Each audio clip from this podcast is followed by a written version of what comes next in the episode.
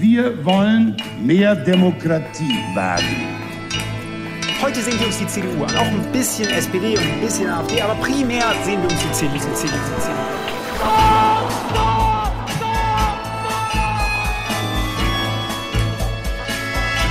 Niemand hat die Absicht, eine Mauer zu errichten. Ich weiß, ich habe heute Morgen in den Spiegel geguckt und dachte, wer ist denn die Hotte Bitch? Werden schon in wenigen Jahren blühende Landschaften, blühende Landschaften geworden sein. Früher waren wir Lametta. Wir haben so vieles geschafft, wir schaffen das. Herzlich willkommen til Tyskerne, episode 100, del 2, live fra Litteraturhuset i Oslo.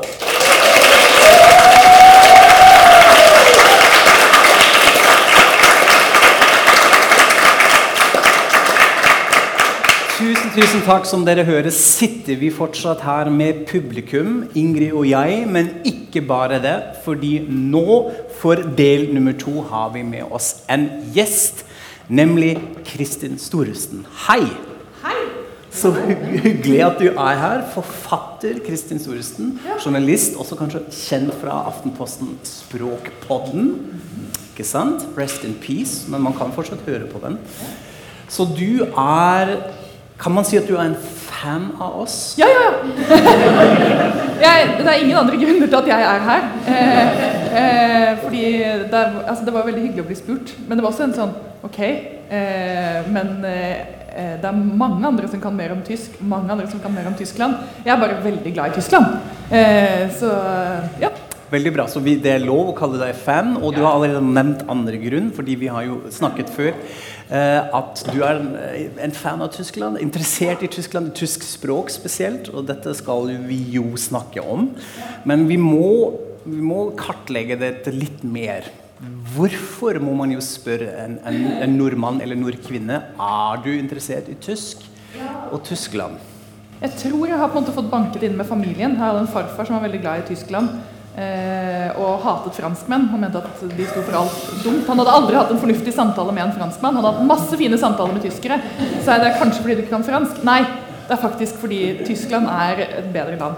Eh, så min far Altså, de bodde i Tyskland i Frankfurt i to år da min far var liten. Så mitt første liksom, minne med Tyskland er da vi dro for å besøke Wolfgang, som var da pappas barndomsvenn. Da var jeg tolv og kom kjørende gjennom Europa. Han kjente oss igjen fordi vi var de eneste som hadde lysene på midt på dagen.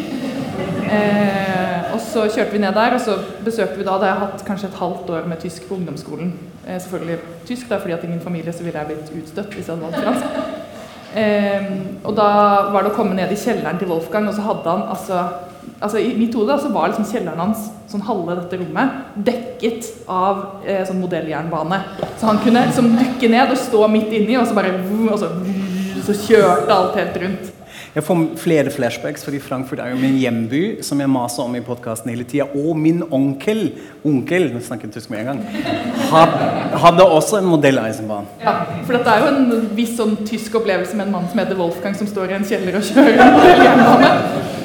Eh, så der på en måte startet det, og så eh, valgte jeg tysk på videregående også, igjen fordi at jeg ville blitt arveløs hvis jeg ikke hadde gjort det. Og da var jeg på en liten utveksling til Hosum, helt nord i Tyskland. Og så da jeg kom på universitetet og begynte å studere litteratur, så valgte jeg tysk sånn ved siden av. Så jeg har 40 studiepoeng, fire fag i tysk. Og jeg er veldig glad jeg ikke måtte sende inn karakterkortet mitt før jeg kom. Vi spurte, men du sendte ikke. Ja.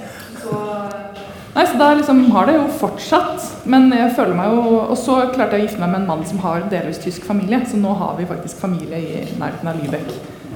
Så jeg føler at noe sånn 'jeg presser meg på Tyskland'-opplevelse. Og Tyskland er sånn 'ok, greit'. Ja, du skal være med. Nei, vi, vi ønsker deg hjertelig velkommen. Herzlich velkommen.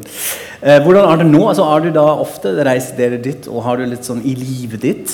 Eller er det mer noe som, som skjedde i barndommen? Noen? Nei, akkurat nå er det jo mest sånn i drømmene.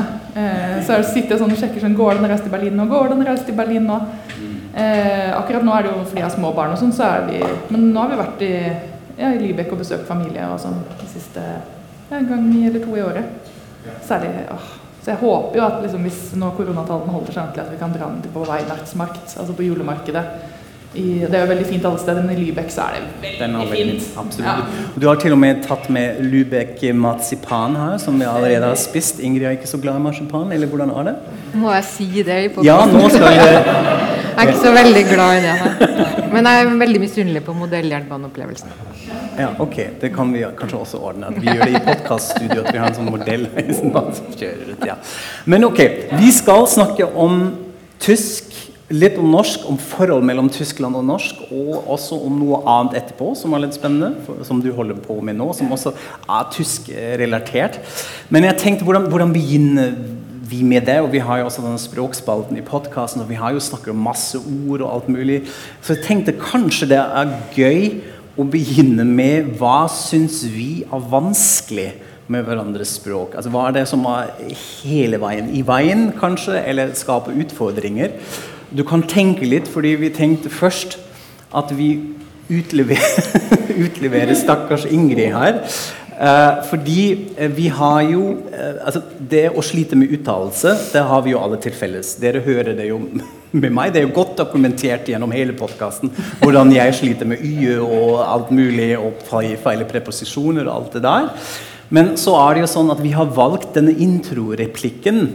Eh, nemlig 'Herzlich velkommen', som vi syntes var en veldig god idé. Men jeg husker da vi begynte med podkasten, og Ingrid sa ok, det må hjelpe meg litt. Og jeg var litt sånn, skjønte ikke helt hva det var. Så at du rett og slett, vi kan jo si det sliter litt med den uttalelsen der. Det å si 'herzlich velkommen'. Herzlich. Høres rart ut. Det høres rart ut. Og så sa du tips. Ja, så har jeg et tips til deg. Hetzlich. Ikke sant? Så dropp denne. RZ-greia, bare gå på 'hetzlich velkommen'. Som høres på tysk kanskje litt rart ut, men litt sånn Nei, det, det er jo ikke Jeg gikk for den. Ja, og det funker jo veldig bra, men sånn iblant blir det fortsatt litt vanskelig når Ingrid skal åpne de episodene. Og så har vi med oss nå en outtake, en liten blooper, en lydklipp som dere skal høre på fra episode 89, hvor det ikke helt gikk så bra 'Herzlich velkommen', som resulterte i en liten latterkramp. Eh, så nå kan vi høre den her. Den er rød, som så den ser bra ut. Da kan vi sette i gang. Herzlich velkommen til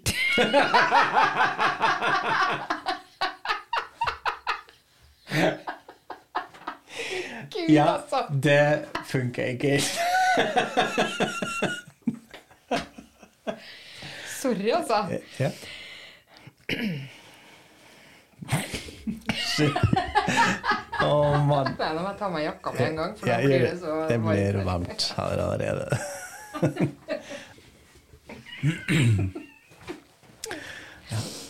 Gud. Jeg vet bare hvordan. Alt er bare weird nå, uansett Ja, det det er. bare alt, ja. Men bare fokuser ja, bare på tyskerne. på. Ja. Fokuser på ordet tyskerne.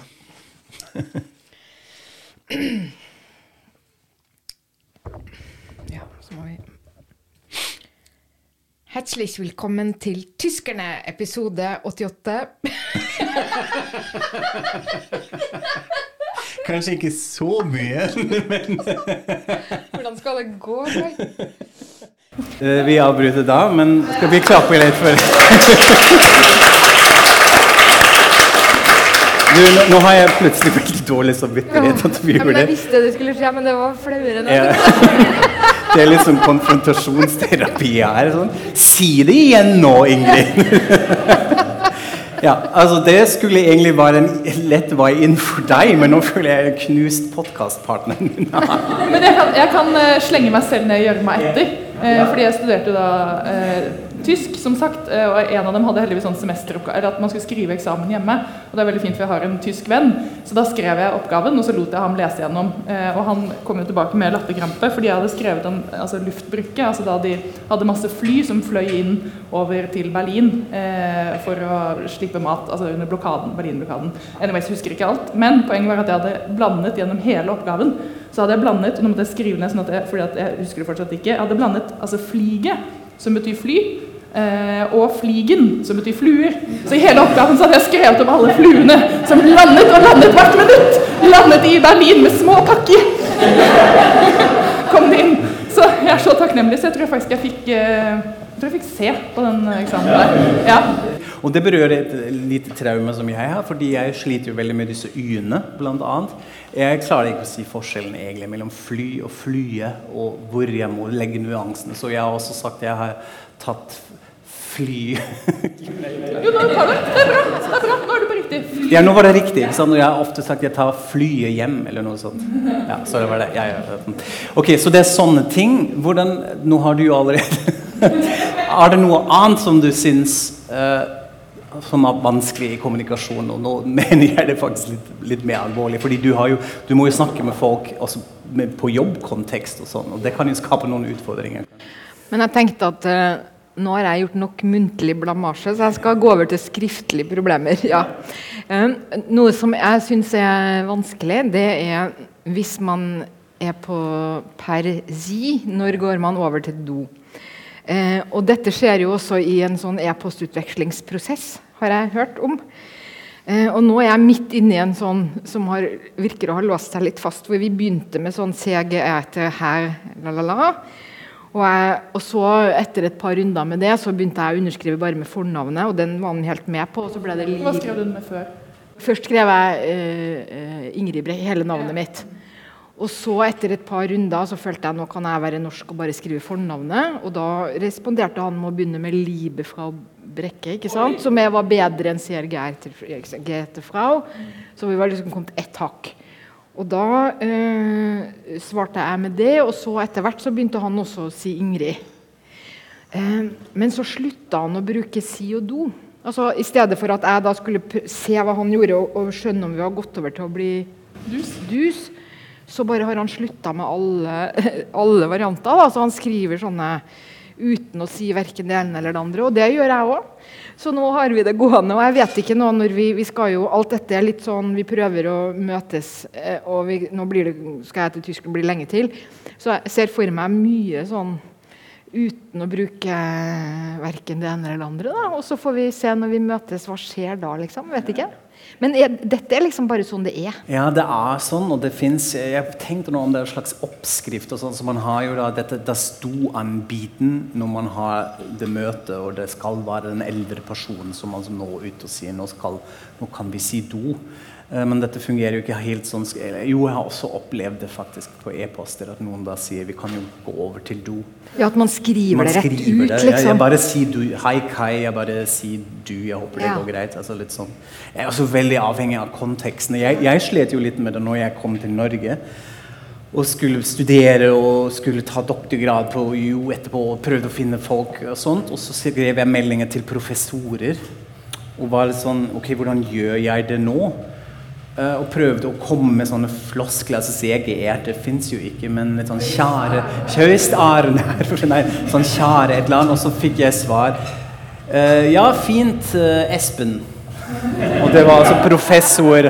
Og jeg tenkte men er han sur, eller hva var dette for noe? Så, så det, er, det, går denne veien òg. Nå, nå har jeg vært her så lenge at jeg forstår deg. så, det, så, det, er Ja, ok. Men har du noe sånt? Sånn, sånn ut, det du sliter med? Ja, altså jeg tror jeg kom til et visst nivå. Jeg var også på utveksling i Kiel. Og der hadde vi en sånn uh, time i fonetikk hvor vi skulle lære oss uttalen av vokaler på tysk. Og jeg tenker at det er sånn greit god, men sånn er det sånn Da skal vi si A. Sånn, Ah. Nei. Ah. Så var det en hel sånn klasserom med folk som bare sånn ah. Og så Der hadde du den! Gjør det en gang til! Ah. Fordi det er helt, altså Man kan på en måte komme opp til liksom et visst nivå, men etter det så bare er det ja, et helt sånn landskap. Men jeg oppdaget også at det er et um, og det var jo fordi at jeg har på gått på skole, og der lærer man jo sånn eh, altså, fornuftige ting. Og så fikk jeg da familie når jeg er inngiftet i en familie hvor det er tyskere. Og jeg var sånn Jeg kan litt tysk, dette skal gå bra. Men når de er sammen, så snakker jo de aldri sammen om det som står i sånne bøkene. Og de, min, den familien jeg gifter meg i, er veldig interessert i mat.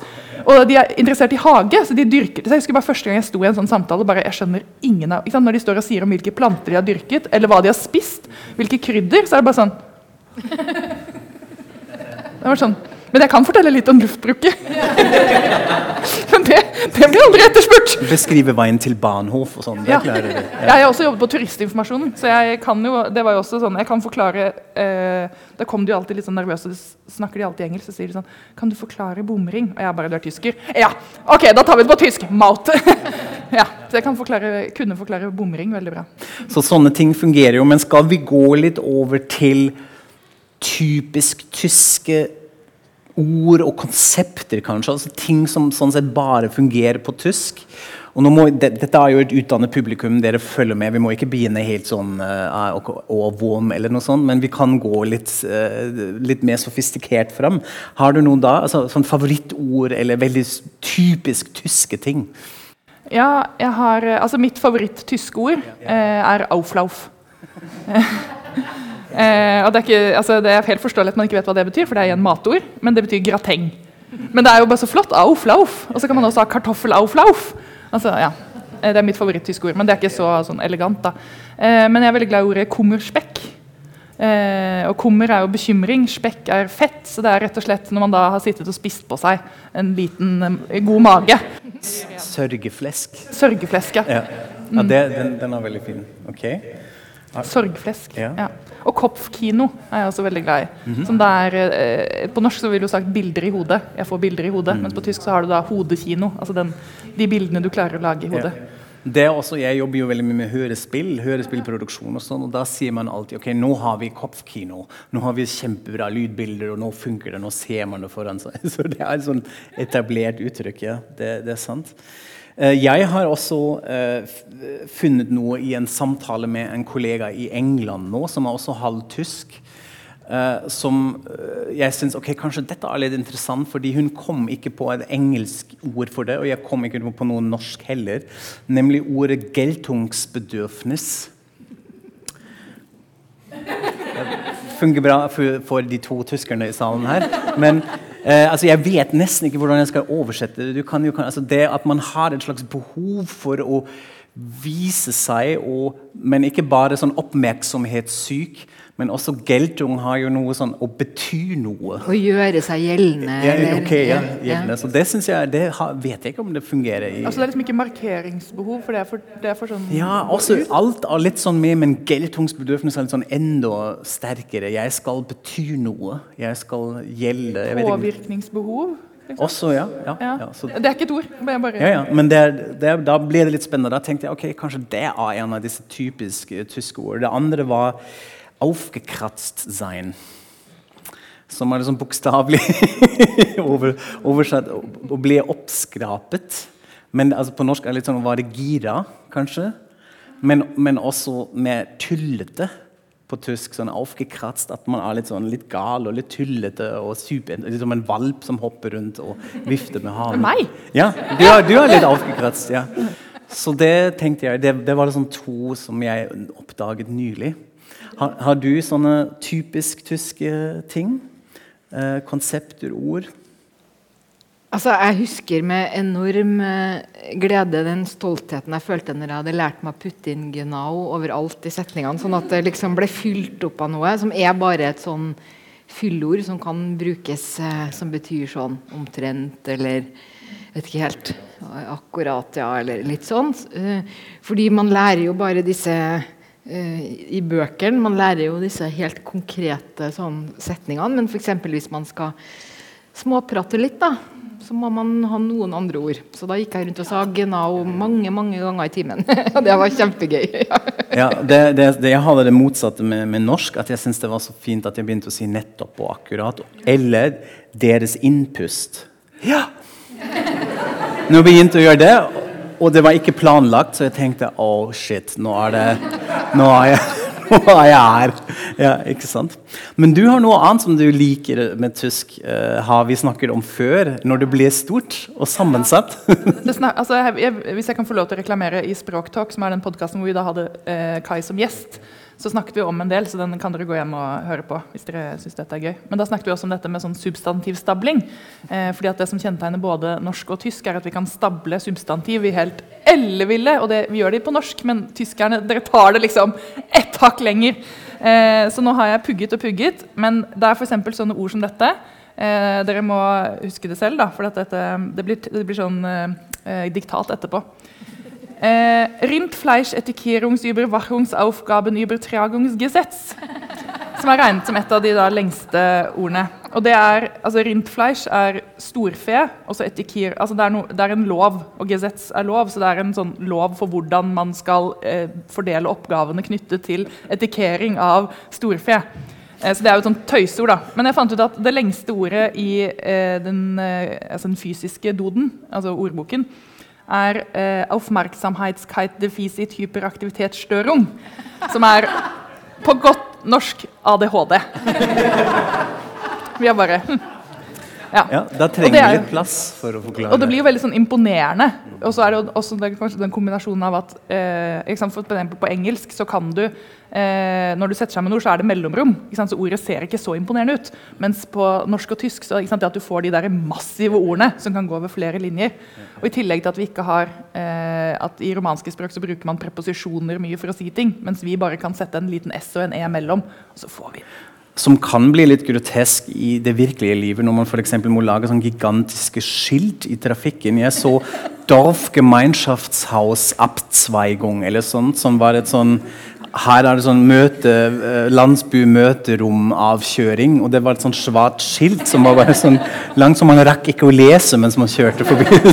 Det må jo koste penger, for dette er jo sånn hver, hver centimeter koster ja, iblant må du, ikke sant? Må du bruke forkortelse og sånn. Så ja, det er, liksom, det er både gøy og litt, litt irriterende. Ja, jeg synes du skal gå, altså Hvis du kan velge mellom å le og gråte, så skal man alltid velge le. Ja. det, det er veldig sant. Apropos hvis vi beveger oss litt videre, hva vil dere si? Og det er litt sånn touchy, men vi prøver å, bli høflig. Hva er det som irriterer oss med hverandres språk, men også kanskje land og mennesker? Jeg føler det blir sånn terapisesjon her. Har dere noe der? Hvordan er det med tysk? Altså, vi er jo litt borti det med uttalelsen som kan være krevende, og sånn, men hva er det som dere syns er Irriterende. Ja, begynn du. Ja, jeg bare sier det rett ut, jeg. Eh, at dere snakker så mye og skriver så langt. Det syns jeg kan være utrolig irriterende. Litt sånn herre eh, Man stiller et spørsmål, og man får et svar. Men det varer forferdelig lenge. Og man kan jo ikke være Selv om Nå er jeg høflig òg, så jeg bryter jo ikke av folk. Og så kan man ikke være høflig heller, for verbet kommer jo til slutt. Så man jo, kan jo ikke avbryte, for man aner jo ikke hva de skal si. Og hvis man er litt dreven sånn uh, svarer og liker det, så legger man en del sånne etter hverandre, og så sitter jeg litt sånn. Men også Og dette, dette det um, det er alltid litt vanskelig å vite hva er et generelt problem, og hva handler egentlig mest om meg. Men jeg har også litt sånn følelsen eh, eh, jeg tenker hvem hører på podkasten vår nå, men eh, at noen på e-post igjen, da Jeg skriver liksom en sånn kort melding, og så får jeg en sånn en tilbake, som er veldig hyggelig og sånn, men det gjør jo at jeg føler sånn Ok, så nå blir jeg oppfatta som sur og ubehagelig eller lite vennlig, da, fordi at jeg ikke har liksom en halvtime til å sitte og være morsom og Ja. Så det er rett og slett kanskje at, at man legger mer vekt på god kommunikasjon. Det kan man jo si på en høflig måte, da, mens jeg legger mer vekt på litt effektiv kommunikasjon. da. ja. Ja. Ok, mottatt. Å, det gjelder ikke deg, ja, ja. Hva mener tyskerne om dette? Nei, altså, ja, Man er jo veldig preget av, den, av de flosklene og en sånn, det man oppfatter som tone i skriftlig kommunikasjon. Så det er jo sånt. Jeg er jo vant til det nå, og jeg tror jeg har også blitt norsk. Jeg har jo fått sånne tilbakemeldinger fra tyskerne også, som sier hva, har du dårlig tid, eller? Altså denne siste e-posten og sånn. Så jeg skjønner Oi, OK, jeg, jeg, hmm. jeg, vet ikke. Jeg forstår deg, vil jeg si. Det er jo litt teit med de flosklene. Det andre ekstreme er kanskje eller enda mer i Frankrike, som jeg også ble litt borti og måtte snakke da, sånn, som har enda mer flosklete kanskje i denne kommunikasjonen, også skriftlig. Så vi er kanskje litt i midten, men uansett, ja. Nei. Har du noe sånt som du blir sur av, eller Nei, du ler In ingenting. jeg ja, ja, Nei, hva var det det var? Jeg er uh... Den aufgekratzt. Aufgekratzt. aufgekratzt. Nei, jeg, jeg tenkte på det, og så var jeg sånn nå, jeg, jeg blir jo så rørt hver gang eh, tyskere ikke kan si forskjell på U og Y. Så når det er sånn Jeg kommer fra Tyskland, og jeg bare ååå! Og etter det så er jeg på en måte solgt. Men så tenkte jeg kanskje én ting som ikke irriterer, men som på en måte gjør meg litt trist, det er jo at mange tyskere i Norge velger Eller sånn, i møte så går man til engelsk. Også hvis man møtes i utlandet eller et eller annet sånn. Eh, og at det å tørre å hoppe ut i på en måte norsken, som jo ligner eh, ligner ganske mye på tysk. Og at liksom, den der bituren til England Men det er jo ikke egentlig en irritasjon, det er mer en litt sånn der, Vi er jo så nær, eh, egentlig. At eh, Stol på at vi klarer oss på den hanglete skoletysken vår. Ja, det er sant. Og vi tyskerne syns jo også det er ut, utrolig sjarmerende når nordmenn snakker tysk. Ja, det er veldig hyggelig. Eh, det, det har jeg har in møtt ingen som ikke ble litt sånn smelta. Uh... Jeg husker jeg fikk forklart at sånn, vi syns dere høres så søte ut. det er kanskje det man vil høre alltid, Ja, men det kan eh, være. ja. Jeg har jo også en sånn eh, vestlands-R, sånn svak vestlands-R, så det har jo gjort at jeg ikke har slitt med Som egentlig er ganske sånn tysk R. Men jeg kan jo, altså hvis jeg får lov å si noe òg hva som irriterer meg med Norge Gjør det, Kai. Apro- kan ta det. Ja, apropos uttalelse, og jeg vet at jeg er på, ut på tynt is med min aksent og mine uproblemer og sånn, men hvorfor? Dere har jo en, en, en sekk full, full med ulyder. Hvorfor kaller dere hovedstaden i Bayern for München? Nei, vi sier München. Ja, men ikke München. Dere har jo også den ulyden. Og ofte blir det i. Og jeg, Ulyden. Ja. jeg skjønner det eh, fungerer ikke helt. Men det er en sånn ting som jeg irriterer meg over iblant. Men du sier det, det bare heter München på norsk. På norsk eh, så lærer eh, altså, Jeg vet ikke om man lærer så mye, men jeg husker vi sa at når man skal uttale U med tødler På norsk så sier man Y. Eh, ja, og så, ikke sant, etter hvert, så det er liksom I åttende klasse så lærer du Y, og så lærer man på en måte kanskje på videregående eller på universitetet sånn Du skal egentlig si sånn U, U, U og så, der, ja, og så sitter du der igjen, da. Men egentlig er det bedre å bare si U, altså München. Men på norsk, så, på norsk, norsk korrekt uttale av München er München. Ja, ikke sant? Og det, jeg synes alltid det er rart. Men selvfølgelig elsker jeg dere også. Så det er helt ok uh, å si München. Men en annen ting, og nå blir det kanskje litt Sier ikke, tyskerne sier jo ikke Oslo, de sier jo Oslo. Oslo, ja, ja, ja, så det er feil, feil vokal. Ja, ja, nei, det er, det er helt sant. Det, er- så det er litt teit å komme med sånne ting. Men vi, de skal jo være litt sånn uh, Men vi er åpne og liker deg ja, likevel. ikke sant? Det, det er veldig fint. Men en sånn, en sånn siste ting, og nå blir det kanskje litt alvorlig, og vi har jo en tyskerne podkast og andre verdenskrig kommer inn sooner or later, og her, her er det. Eh, En ting som jeg faktisk syns er litt rart, eh, som, som må være en slags kulturforskjell Muligens er det også litt anekdotisk og uh, henger sammen med de jeg har møtt. Men jeg syns det er litt interessant at uh, flere nordmenn har spøkt med andre verdenskrig-relaterte uttrykk som jeg syns er litt mye. Uh, F.eks. en kollega som sa ja, skal du jobbe mer? Ja, ja, ja. Arbeid macht frei. Som var en sånn spøk slengt på meg på gangen, og jeg var sånn Ok, får jeg Auschwitz-motto som en sånn ordtak. Og det andre det med 'Deutschland, Deutschland über alles'. Og sånn, ja, er du tysk? Ja, Deutschland, Deutschland über alles.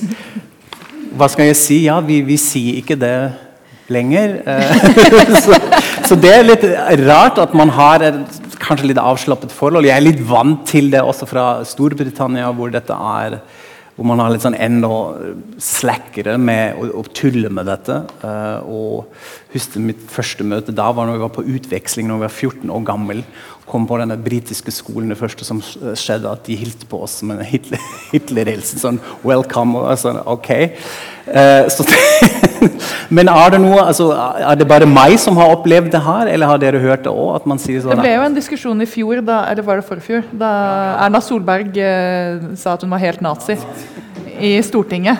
Eh, som også er eh, Men det sier noe på en måte om hvordan ordene for jeg tenker sånn som Arbeid macht frei det er, en, det er bare blitt en frase. Og at jeg tror de jevne nordmenn ser jo ikke for seg inngangen til Auschwitz. Eh, som et annet ord jeg sliter med å uttale. Um, men ja, Så den lille reisen over dammen, og så plutselig så betyr det ikke Ja, nei, det samme. det er det. Og jeg, ja. Vi mener ikke. Men uansett så syns jeg at der har man jo ikke du og andre som blir utsatt for det, har jo ikke så mye annet valg enn å drive litt dannelsesopplæring. For det er jo ikke, det er jo ikke greit. Og at folk eh, sier det fordi de ikke vet bedre, det er jo, det er jo ikke vondt, helt sikkert ikke vondt ment, men da må man på en måte, hvis man orker, da, ta den derre Kommer Ja. litt an på sånn, og jeg klarer, altså Det er ikke at jeg bryter sammen gråtende, og nå har noen nevnt uh, 'Don't mention the war', liksom. Whatever you do, don't mention the war. Men uansett, jeg synes bare det var litt interessant, fordi det har skjedd flere ganger. Jeg tenkte, ok, Kanskje det har ikke helt det samme konnotasjonen. Det kan jo være det. Men sånn, apropos for å snakke om litt mer hyggelige ting. Norske ord som jeg nylig har oppdaget. Det var jo et spørsmål er det noen nye norske ord som jeg kom på. Og da har jeg eh, Det, det ene som jeg, som jeg elsker med norsk, er f.eks. sånne tvetydige ord, eller ord som kombinerer to ulike følelser. Eh, nemlig å gruglede seg. Det har vi på tysk. Det syns jeg er helt fantastisk. Som at du har denne Ja, ok, jeg gleder meg til noe, men det er spennende. Og jeg bare å kombinere dette syns jeg er helt genialt. eh, At man kan gjøre dette. Og et nytt ord som jeg har lært meg noen dager siden. Ordet 'fjordgløtt'. Eh, Det leste jeg i en boligannonse. Da sto det noe om fjordgløtt. Og tenkte hva er dette? Er det en sånn vannskade? eh, eh, som, og så, og så måtte jeg spørre samboeren, eh, og så fikk jeg beskjed nei, nei, dette er når du kan se litt av Du må liksom gå på tærne, og så ser du litt av fjorden fra utsikten, og så har du fjordgløtt. Så det synes jeg skal jeg, prøver å bruke det også nå, eh, så ofte jeg kan, men så langt var det ikke noe fjordgløtt her. Så, ja. så det var mine nye uh, norske ord. Men vi skravler oss litt bort, føler jeg her. Skal vi gå over Nei. Skal vi nå gå over og høre litt om hva du jobber med for Ja. tiden? Du driver jo med ganske mye annet enn uh, tysk, enn moro med tysk. Og Dessverre. du skriver jo bøker. Så hva gjør du nå? Hva skriver du om nå? Nå eh, jeg, Det var sånn jeg tenkte hva, hva er det jeg sitter på en måte med hodet helt nedi akkurat nå? Og det jeg sitter med hodet helt nedi nå, er at jeg holder på å skrive en eh, bok om kongehuset for barn. En sakprosabok. Om kong Harald, da, hovedsakelig. Og så var jeg sånn Ok, det er kanskje ikke helt tyskrelatert. Eller er det det? så var jeg sånn Hvordan kan jeg snike kong Harald, altså naboen her, eh, inn på scenen? Åh! Se der, vet du. Der har vi den. Vi er forberedt. Så jeg har et bra fun fact. Eh, eller altså fun hvis, du er, ja, hvis dere sitter her, så vil dere synes det er fun. Eh, men Harald og den norske kongefamilien har jo ikke noe etternavn. Eh, sånn som f.eks. den britiske har. Eh, men hvis da bank i bordet det skulle blitt republikk, eh, og kong Harald må bli vanlig statsborger, så er det etternavnet som han ville fått, vært Glucksburg. Hmm. Og det er jo liksom ikke sånn Fjordglad Han kunne jo hett Fjord... Altså Harald Fjordglad hadde jo vært bedre. Ja. Det kan hende at de vil vurdere det, men altså, det regner vi med at det ikke skjer. da. Ehm, så dette er jo rent hypotetisk sett. Eh, men da lurer man jo på hvorfor vil den norske kongen hete Glucksburg, som jo høres veldig tysk ut. Og det er fordi kong Harald kommer fra familien, eller navnet i hvert fall, eh, kommer fra eh, huset Schleswig-Holstein-Sonderburg-Luxburg. Mm, Ok. Sonderburg-Luxburg. Ja, det er litt mye der. Og det er jo på en måte det mest tyske navnet du kan få. Schleswig-Holstein, Schleswig Sonderburg, Glucksburg. Og det er fordi eh, Og nå blir det sånn historietime her. Eh, det er fordi Fredrik den 6., som vi alle sammen husker veldig godt Fredrik den 6. var konge i Danmark. Han var sønnen til eh, selvfølgelig Christian, eh, fordi de heter Christian og Fredrik, og Caroline Mathilde. Og dette var hun som ble sammen med Struense, hvis dere husker han, som prøvde å styre Danmark. Endte i hvert fall opp med at mammaen til Fredrik ble landsforvist. Eh, pappaen var sprøytegal, så da ble han konge egentlig som fireåring og hadde det ikke vel, altså sånn på slutten av 1700-tallet. Det var ikke et lett liv. Eh, men han var litt sånn Jeg har lyst til å måte, sette merker etter meg i verdenshistorien. Eh, så han eh, grunnla da det kongelige Fred, det kongelige, nei, Fredriks, kong, kong Fredriks universitet i Oslo. For dette var jo på den tiden Danmark og Norge var sammen. Eh, så eh, Det var i 1811. Det er det som nå har blitt UiO. Eh, og så var han jo da også konge da han mistet eh, Norge. Så han er jo den danske kongen som er ansvarlig for å ha mistet Norge. Anyways. Eh, Fredrik 6. er også kjent fordi han er den siste dansk-norske kongen som hadde en offisiell el- kongelig elskerinne. Eh, som han fikk fire barn med. Eh, etter det så sluttet de med det. Eh, men han hadde da altså en dronning, og med dronningen fikk han åtte barn. Men og nå begynner vi å nærme oss dette. Eh, han fikk åtte barn, og av dem så levde to opp. Eh, den eldste, Karoline, eh, skulle da, hun gifte seg med en prins, og de skulle da klare å produsere nestemann i rekken. Det klarte de ikke. Så da var Fredrik 6. i, sånn, i beit for ting. Så da begynte jo det sånn som konger er blitt valgt gjennom tidene. Hvor finner vi en? Og da fant de da sønnen til hertugen av Schleswig-Holstein, Sonneburg-Luxburg som het Christian. Og han var gift med en som het prinsesse Louise, som var i svak slekt med dronningen i Danmark. Så da var det i hvert fall sånn Ok, greit, du, vi adopterer deg. Du får komme hit og bli dansk konge. Eh, og han er da eh, Nå må jeg bare dobbeltsjekke. Han er farfaren nå skal bare dobbeltsjekke, ja. Farfar bare, må, sant, hvis dere går og husker feil etterpå. Farfaren til prins Carl, som ble kong Haakon av Norge. Og kong Haakon er jo farfaren til Harald. Som andre ord så har Harald en tipptippoldefar som var tysk hertug. Og dermed er han nesten tysk. Men så er det mye inngifte. Ja. For jeg tenkte først at jeg kunne regne ut eh, At det skulle regne ut sånn, ok, men det betyr at han er 1,32-dels tysk. da. Men så er det jo det at det er så mye inngifte. ikke sant, Håkon og Maud, altså Det er bare så mye inngifte at han, det er flere liksom, biter tyskhet i kong Harald.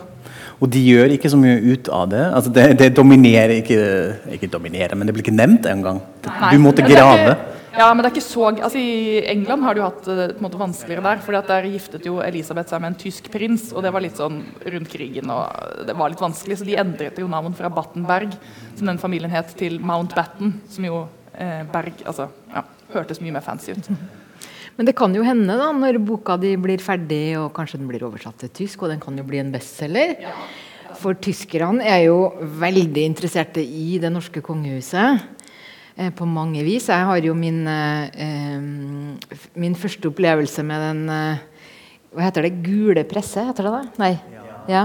Altså de, de ukebladene i Tyskland som bare finner på ting. Jeg satt på et legekontor, og der lå det et ukeblad som hadde en førsteside hvor det sto 'Mette-Marit røyker mens hun venter tvillinger'. og så tenkte jeg 'hæ? Hva er dette?' Og da så skjønte jeg det at de har en hel sjanger av ukeblader som til dels blir produsert av akkurat de samme og ser nesten likedan ut, bare ikke helt. Og, så, og hvor de bare dikter opp eh, masse greier, ikke minst om eh, Mette-Marit og våre Ja, så her, ja. Fjerde, ja, nettopp, ja. Mm. Det er jo generelt en, en sånn besettelse med, med, de kongelige verden rundt, som denne tyske presten har. Men spesielt kanskje med, med det norske kongehuset også. Uh, og fordi de er så naturlige De er ikke ko-ko, det er ikke som The Windsors, eller sånn, men de er, ser så, så hyggelige og så vanlige og sånn. Det henger jo sannsynligvis altså jeg tenker sånn Mye av nasjonsdannelsen til Tyskland i sin tid så var de veldig inspirert av viking. altså ikke sant, Hele liksom Brunhilde-ideen, som jo Mette-Marit kom med liksom blond og flott inn og altså, Man kan si mye, men ja. Ja, men det, det, har man jo generelt også. Det er jo en slags idealisering som tyskerne har av Norge og det skandinaviske, med en sånn slags ideal av hvordan alt skulle være. Uh, og dette kommer litt, litt, litt inn, inn, i det. Men det er jo litt absurd at, uh, um, at man dikter opp ting da også. Altså, det er jo med en sånn mediekritikk her nå. Uh, med Apropos falske nyheter og sånn. At det fins egentlig en egen sjanger som er nesten med en sånn underholdnings ting som folk liker å lese. Ja, ja, og så er det masse photoshopping og, og sånn, og Mette-Marit rangerer høyt.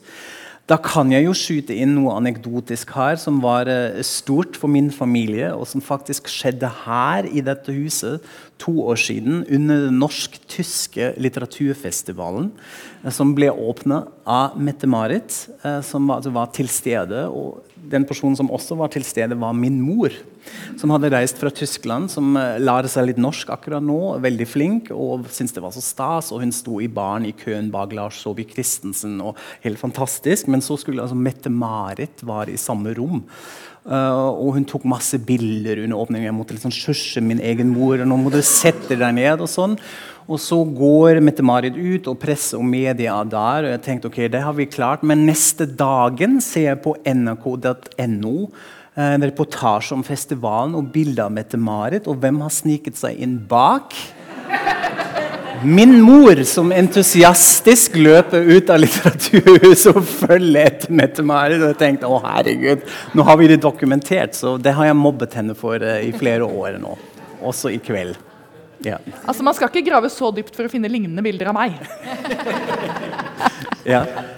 Men du er jo så heldig at du bor i et land som har dette kongehuset. da. Ja. Men tror du, tror du at tyskerne virkelig er misunnelige på kongehuset vårt? Altså sånn statsmessig sett nå, altså Det er jo rart, fordi tyskerne har jo utrolig mange prinser og fyrster. og liksom, Det er jo mye mer adel og det i utgangspunktet. Og jeg er jo jeg kan si det offisielt fra scenen, jeg er jo monarkist. Jeg er veldig veldig glad i kongehuset og syns det er en veldig god statsform. Og hovedgrunnen til at altså Det som jeg syns funker veldig bra, eh, det som funker veldig bra, er jo at de har lite reell makt. sånn at idet de på en måte går for langt utenfor en tenkt grense, så er det utrolig fort at de bare Bort med det. Eh, men i tillegg så er det jo sånn at eh, en person som ikke er på valg eh, så, så kan man jo selvfølgelig si mye om ulempene med det også, men fordelen er jo at det er en som kan tenke veldig langsiktig, og ikke trenger å tenke på hva gjør meg populær i neste runde. Så det er en som eh, også da heller altså Uansett hvor på en måte samlende en valgt person er, så vil det alltid være noen som har stemt på den, og noen som ikke har stemt på den. Mens når ingen har fått sjansen til å stemme, så er det jo nesten Og det er jo på en måte sånn at eh, eh, ja, det blir et sånn argument for Jeg tror jo ikke at det er noen sjanse i havet for at Tyskland skulle klare å liksom, få til en, en konge eller dronning på det. For det, jo, det virker jo på en måte umoderne. Men sånn som vi har det nå, så er jo en av fordelene også med kongehuset Nå ble, nå ble jeg sånn der, Kongehuset, kongehuset. Beklager det. Men en av fordelene også med å ha en konge sammenlignet med en, eh, med en president eller andre former, er at så lenge det sitter Det kan til en viss grad demme opp for Eh, altså for eh, sånne bevegelser hvor folk kommer og sier sånn 'Jeg er folkets stemme. Jeg samler alle og blir president og samler makten.' Så er Det sånn, ikke det kan jo skje i Norge også, men da sitter det på en måte fortsatt en fyr med krone på et slott og er litt sånn Ja, nei, uansett hvor måte mye du mener at du er folkets stemme, så har vi liksom Harald fortsatt. Så det jo Det ble mer argument for hvorfor vi liker kongehuset i Norge. Ja, men det er, det er et interessant argument. Den diskusjonen fins jo også i Tyskland. at man sier Det har det vært uh, snedig å ha eh, i noen, av spesielt krisesituasjoner. Det blir nevnt nå under oversvømmelse også, så har den tyske kongen reist rundt og sagt noe. Så har vi presidenten. Steinmeier. Ja, men han gjorde det da vel eh, Altså, han det, det var jo ikke han som sto og lo, alt jeg på å si. Det var jo en annen. Steinmeier gjorde vel en Han er jo en verdig president, tror jeg. Altså, jeg tenker at han er det, og jeg tror at det tenker vel de fleste. Ja, det tror jeg, òg. han tar jo en del av de funksjonene også, som du var inne på. Men det er mer en sånn, jeg tror hvis man skal definere en slags forskjell, så er jo Steinmeier, eller den bondespresidenten, også en som kommer på banen når man skal få litt sånn moralske påminnelser. Altså Nå må dere gjøre noe med debattklimaet her i politikken. og sånn. Altså Han holder jo sånne taler, og dette kommer jo ikke fra kongen nødvendigvis. Eller iblant. I Norge elsker vi gutter, gutter og jenter. og jenter. Ja. Altså dette, Kygo. Ja, Kygo, ja. ja en, en annen versjon, ja. ja. Vi får se. Jeg vet ikke om det, dette skjer. Men hvis det da, altså hvis vi skulle få Harald Glucksburg, og man skulle ende opp, så er jo et av problemene eller, altså det som er, eh, De fleste, mange i Norge, er jo republikanere i hjertet fordi det er på en måte det rasjonelle. Problemet er jo at man ikke har noe sånn helt klart alternativ til hva vi skulle gjort. Det eneste liksom alle er enige om, er at vi ikke skal gjøre det som USA. Eh, men da er det jo sånn blir Norge et lite og dette er jo, men Hvordan skal man da velge den som skal ha de funksjonene som kongen har i dag? Og da går det an å se på, og Nå er ikke jeg så inne i akkurat dette, her, men eh, det å se for seg et sånn direkte valg kan jo fort bli ikke sant, mye sånn 'stem på meg', 'stem på meg', og så blir det konflikt. Mens at i Tyskland, og nå føler jeg sånn, dette vet du egentlig litt mer om, men da setter man jo sammen med utgangspunkt i de folkevalgte, og så pluss rundt fra de forskjellige da, lenderne, altså fylkene. Og så stemmer de sammen, sånn at det er på en måte et slags folkevalgt, men at det ikke blir en sånn valgkamp ut blant folk. da. Så Sånn kunne man jo sett for seg at Altså igjen, Det er forferdelig å snakke om dette her. Nei, det er veldig gøy. Koseligere! Ja, men nå, Vi må passe tiden, og vi må få med siste biten. Men vi gleder oss veldig til boka di. Nå kommer den ut. Er du ferdig, eller midt i det? Eh, den skal komme til kong Haralds 85-årsdag, som er i februar. Ok. Men nå har du jo fått et oppdrag av oss før vi runder av her. Eh, Du tar over nå, fordi vi sa Still oss noen spørsmål. Hva har du Du som fan. Ja, dette er veldig gøy. Nå får jeg kontroll over dere. Vi er litt usikre på hva som skjer nå. Vi får se. Ja. Ok. Jeg har uh, laget uh, to spørsmål. Ja. Ok, Er dere klare? Ja? Ok. Uh, det første spørsmålet er Hva er deres største fordom om tyskere som faktisk stemmer? Du kan starte med Ingrid, kanskje. Ja, nå har jeg jo allerede sagt at de snakker så mye og skriver så langt, og sånn, så det kan jeg jo ikke si. Nei, men eh, at de er renslige, det er jo en hyggelig ting å ha fordom om. Men det stemmer. Altså, jeg har bodd på utrolig mange forskjellige hoteller og greier av, i også billigste prisklasse, og det er rent. Og selv på den mest lugubre kafé Eller jeg har kanskje ikke vært på den aller mest lugubre, da, men på ganske mange lugubre utesteder sent på natta, så er det liksom dopapir og orden. Ja da. Så dette er noe som settes pris på, og det er en fordom som eh, jo, ja. Det vil jeg jo si. Og så en annen som ikke er så snilt, kanskje, da, det er jo at Men det, jeg vet ikke om det er en utbredt Om det er en slags fordom, men at kanskje man er litt ja, De vil jo aldri si gjerrige selv. Nøysomme. Ja, at man er litt Nei. At man kanskje er litt forsiktig med penger. Ja. Det stemmer Ja, det syns jeg stemmer noen ganger. F.eks. har jeg overhørt og ja, deltatt i òg sånne eh, lange diskusjoner om hvor man kan få kjøpt de billigste rundstykkene som er litt sånn hallo, koster en krone. Det går bra. Ja. Ja. jeg, jeg tror det er sant. Eh, det, er, det ofte et tema å se så mye vi sparte. Og så billig. Ja, altså sånn, ja, det, Men det er jo bra å være sparsommelig òg. Det, det er jo noe med å komme fra sløserioljenasjonen Norge òg. Som er en kontrast, bare for å mildne dette ja, litt. men, men det er sant. Og akkurat der er jeg ikke en veldig typisk tysk. Jeg er ikke, bra med økonomi. Pass på ting. Men ok, ja, det er interessant. Men har du fordommer mot ditt eget land, da? Eller ditt eget uh... Ja, det, det har jeg. Og det, har, det er litt rart etter sånn ov- litt over ti år i Norge at det forsterkes på en måte på noen områder. Samtidig som jeg også er litt mildere og har hjemmelengsel. Og, det blir en sånn rar pudding av følelser. det der. Men jeg har liksom to ting. Det ene er at vi har en slags affinitet for trash og bad taste i Tyskland. Eh, det er noe med klær iblant. Også når jeg, når jeg ser på tysk lørdagskveld TV-underholdning, hvor jeg tenker Fortsatt David Hasselhoff, OK? Ja. Uh, og det er noe med også sånn fester og det som, som gjerne blir en slags oktoberfest, gemütlichkeit og sånn. Ja, det er det på en måte, men på en annen måte er det ofte også veldig trashy. Så det tror jeg er sant. Og jeg vet ikke helt hvorfor, hvorfor det er sånt. Uh, vet, er det noe det har registrert, eller overdriver jeg nå? Aldri. Aldri. Ok, bra. Men kanskje du trenger ordet harry? Ja, Harry. Ja, mm. Ja. ja det, er, det er en del av det. Altså, det kommer jo veldig an på hvor man er. bla. Men ja, jeg tror det. Og det andre som jeg syns er fascinerende, er dette med humor. Eh, og, og dette, det har jeg jo faktisk forsket litt på i min kapasitet som medieviter og humorforsker. Og det, det er litt rart, fordi jeg, Kan du ikke si hva du har skrevet uh, hovedoppgave om? Eh, for det syns jeg er så morsomt. Om The Office, om Ja, adopsjoner av. TV-serien The Office i ulike land. Ja. Og vi har en tysk versjon eh, som er faktisk veldig bra. Så det er ikke det, det, det, er ikke det klisjé, vi er ikke på det nivået. Tyske har ikke noe humoristisk sans.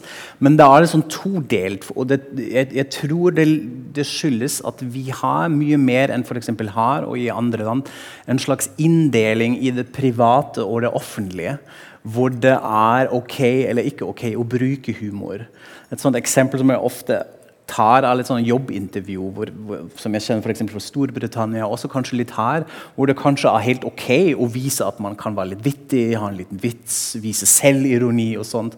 Hvor man igjen, generaliserende, litt avhengig av kontekst i Tyskland, kanskje oftere blir oppfattet som useriøs hvis du begynner å tulle og spøke i jobb, jobbintervju. Og Sånn er det jo, og det har jeg også reagert på og lagt merke til når jeg møter tyskere her, eller sitter på en kafé, så kommer det en tyskere inn, og så hører man hva de snakker, og jeg tenkte ja,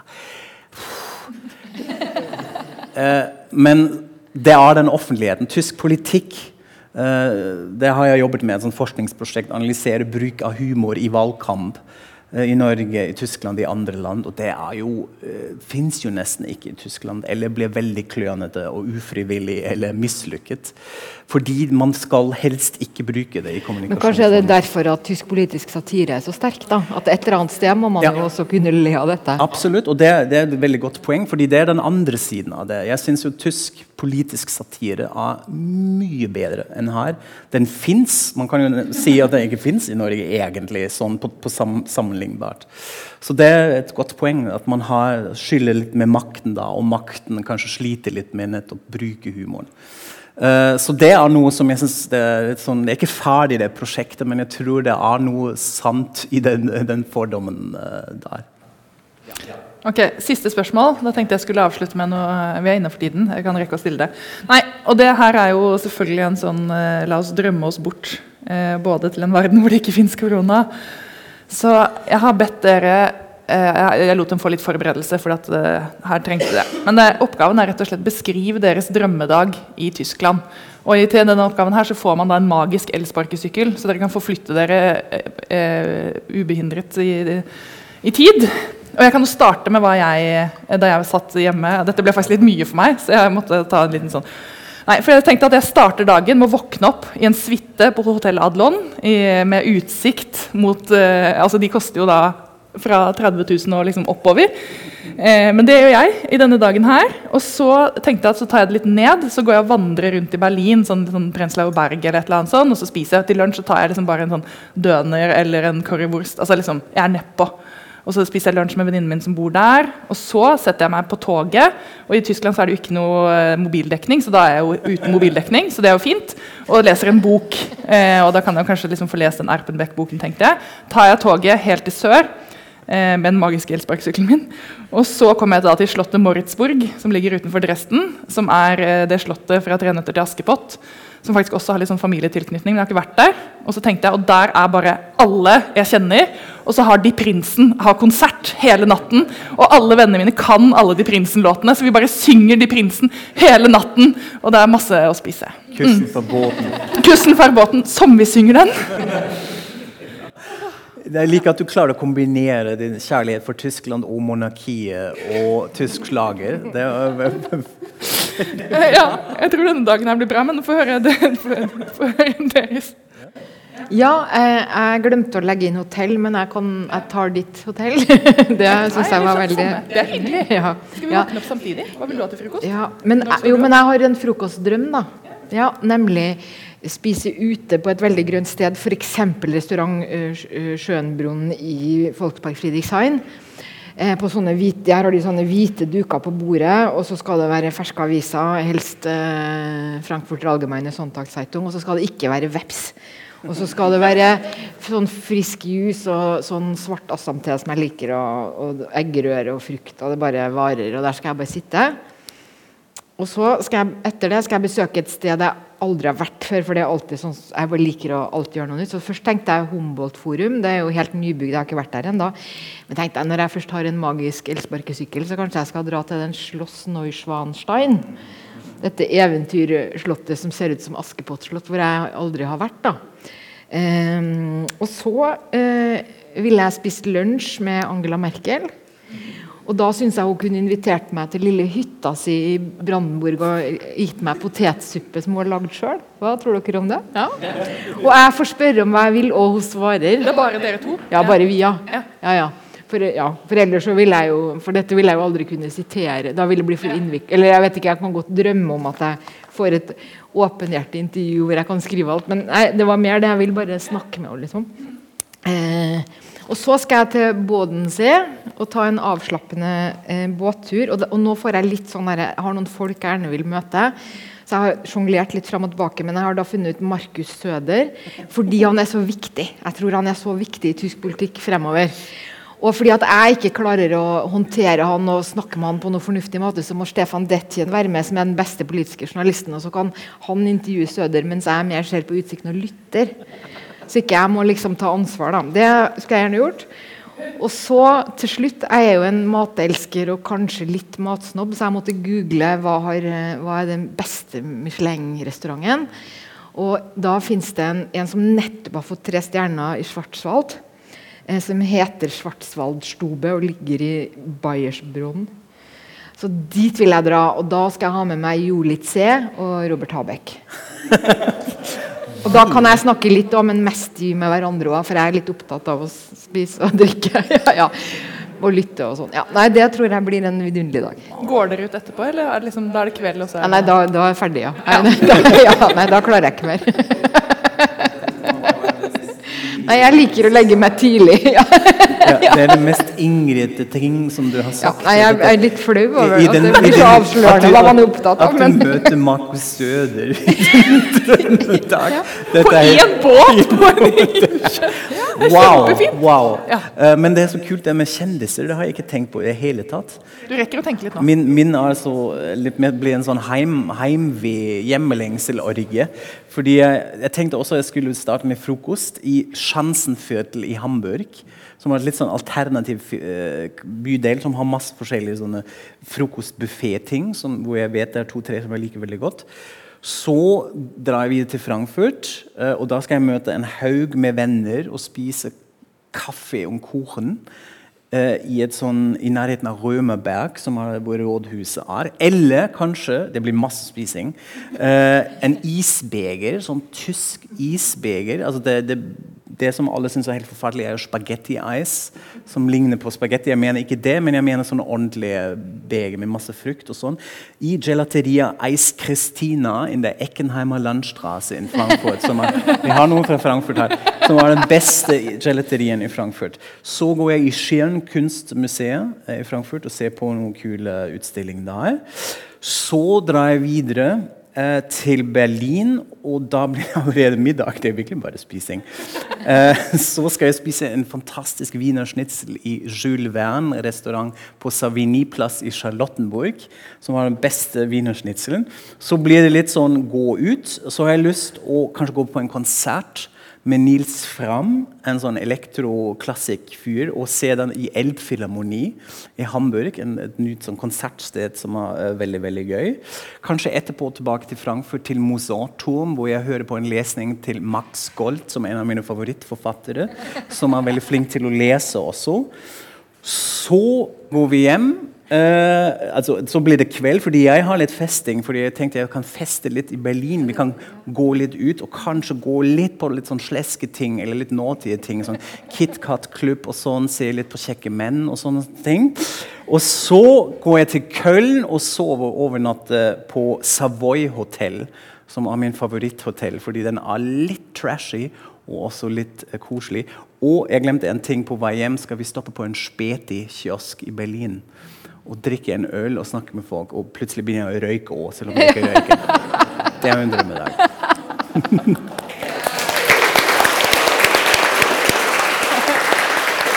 Ja.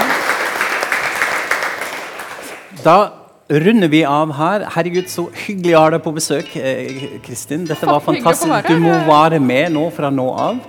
Tusen takk eh, for det, og tusen takk til alle dere her på Litteraturhuset i Oslo at dere var med. Takk und auf Wiederhören! Auf Wiederhören!